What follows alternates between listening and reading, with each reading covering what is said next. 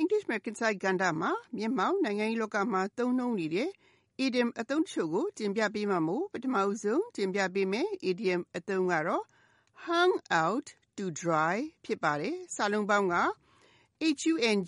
hung hung out hung out ကအပြင်မှာထုတ်လှမ်းထားတာ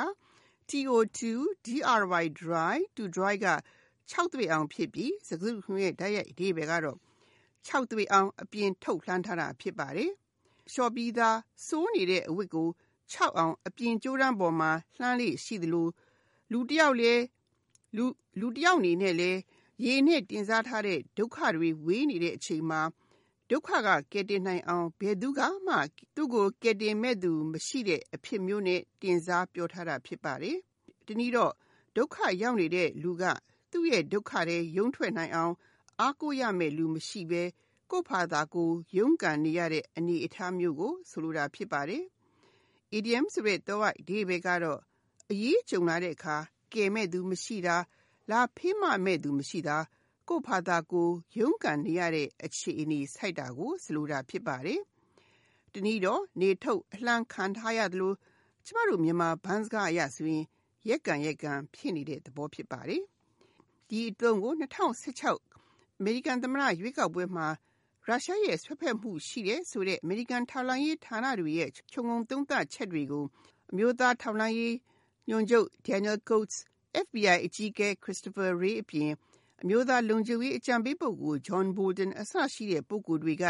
လက်ခံကြပေမဲ့နောက်မှာသမ္မတ Trump အနေနဲ့ရုရှားနဲ့ဆက်ဆံရေးမှာသတိထားဖို့ပြောဆိုခဲ့ကြပေမဲ့လို့လေသမ္မတ Trump က Helsinki ထိပ်သီးညီလာခံမှာ သူနဲ့ ရုရှားသမ္မတ Vladimir Putin တို့ တွေ့ဆုံဆွေးနွေးပြီးတဲ့အခါမှာ သိပ်ကိုအဆင်ပြေချောမှုတွေအကြောင်း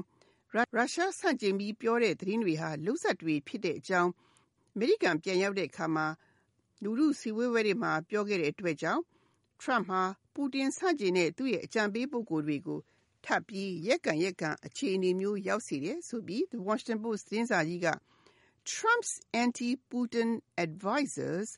are hung out to dry again ဆိုတဲ့ခေါင်းကြီးနဲ့ရေးသားခဲ့တာဖြစ်ပါတယ်။ဖြစ်ပါတယ်။ဒီသုံးနဲ့ပတ်သက်တဲ့ဥပမာကိုလေ့လာကြည့်ကြရအောင်ပါ။ John's car broke down and he tried to call his friends for help, but he was left hung out to dry as none of his friends pick up their phones. John ရဲ့ကားပြစ်တော့အကူအညီရဖို့သူ့တငယ်ချင်းတွေကိုဖုန်းခေါ်ကြည့်တယ်။ဒါပေမဲ့လို့ဘယ်သူကမှဖုန်းမကင်ကြတော့ သူလည်းရက်ကန်ရက်ကန်ဖြစ်နေတယ်ရဲ့လို့အဓိပ္ပာယ်ရပါတယ်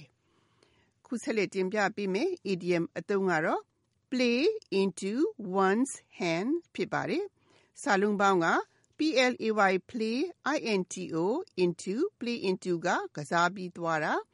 one apostrophe s once hand hand one's hand ကလူတဦးရဲ့လက်ဖြစ်ပြီးစကားစုရဲ့ဓာတ်ရိုက်အဓိပ္ပာယ်ကတော့လူတဦးရဲ့ဖြန့်ထားတဲ့လက်ပေါ်ကိုကစားပြီး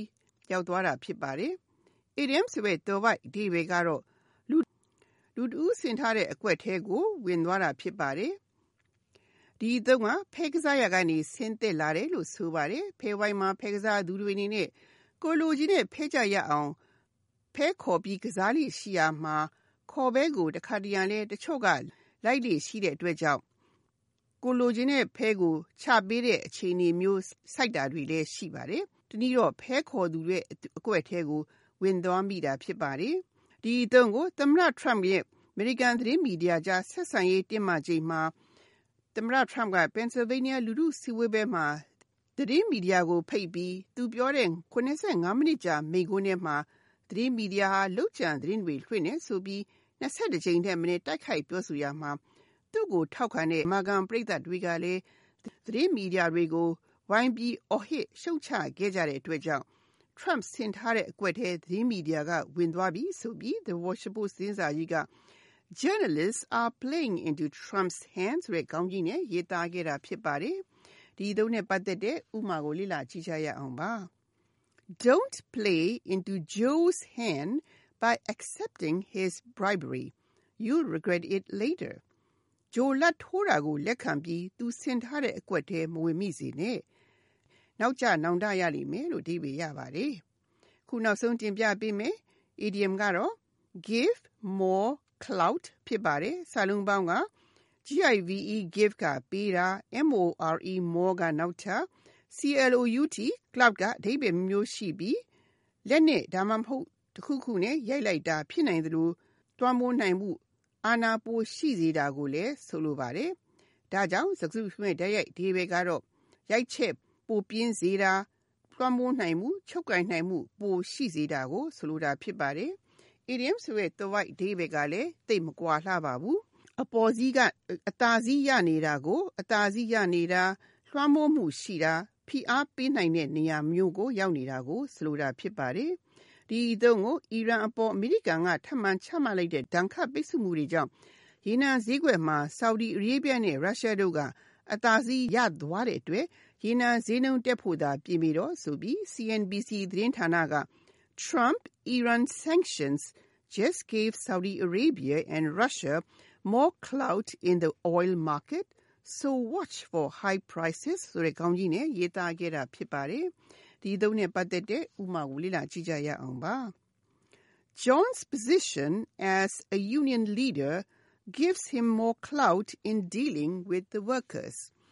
John ဟာတမကခေါင်းဆောင်ယာဒူးရထားတဲ့အတွက်ကြောင့် အလုပ်သမားတွေနဲ့ ဆက်ဆံရမှာ ပြောနိုင်ဆိုနိုင်အား ပိုရှိစေတယ်လို့ အဓိပ္ပာယ်ရပါတယ် ဒီသတင်းပါတင်ပြခဲ့တဲ့ idiom အသုံးတွေကတော့ hung out to dry, play into one's hands နဲ့ give more clout တို့ ဖြစ်ကြပါတယ်။နောက်သတင်းပါခုလိုချိန်မျိုးမှာလည်း နောက်ထပ် idiom အသုံးတွေကို ဆက်လက်တင်ပြပေးဦးမှာမို့ စောင့်မျှော်နားဆင်ကြပါရှင်။